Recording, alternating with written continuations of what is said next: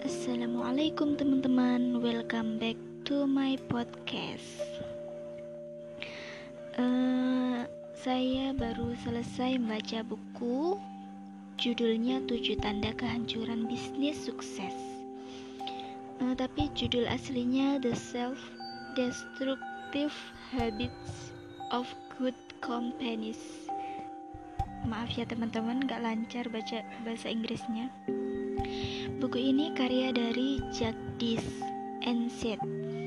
Walaupun isi buku ini berbicara tentang kebiasaan destruktif yang menghancurkan bisnis yang sudah lama mapan, tetapi apa yang disampaikan sang penulis, empat kebiasaan destruktif di antaranya cocok untuk menjadi peringatan bagi siapa pun yang mengalami kesulitan dalam mengelola usaha atau tugas secara profesional. Keempat poin itu saya amati juga terjadi pada semua pelaku profesional maupun sosial yang akhirnya menyebabkan kehancuran perjalanan karir.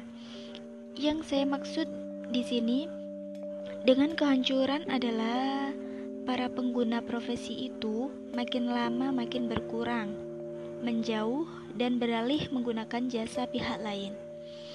Keempat kebiasaan destruktif itu adalah pertama, pengingkaran terhadap realitas yang sudah jauh berubah. Kedua, arogansi. Ketiga, sikap puas diri. Keempat, tidak menyadari adanya persaingan.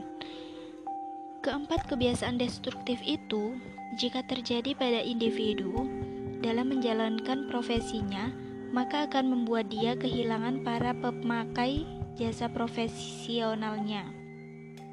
Mengapa bisa begitu?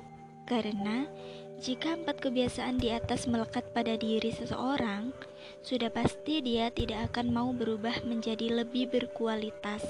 Sementara selera orang yang memakai jasa profesinya semakin berubah dan menuntut kualitas yang lebih tinggi dari waktu ke waktu. Nah, dengan begitu, keempat kebiasaan destruktif di atas juga menjadi musuh bagi pertumbuhan kualitas seseorang. Kualitas saya, Anda, dan kita semua akan tetapi selain Anda harus mewaspadai keempat kebiasaan destruktif di atas, Anda juga harus selalu menjaga harmoni dari tiga hal dalam pertumbuhan kualitas Anda. Ketika hal itu adalah fisik, kerja keras, dan kepasrahan. Uh,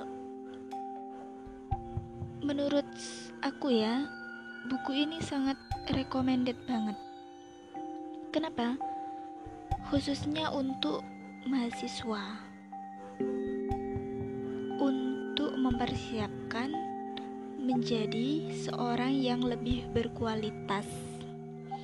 Itu sih yang aku sampaikan. Semoga bermanfaat ya teman-teman. Terima kasih. thank you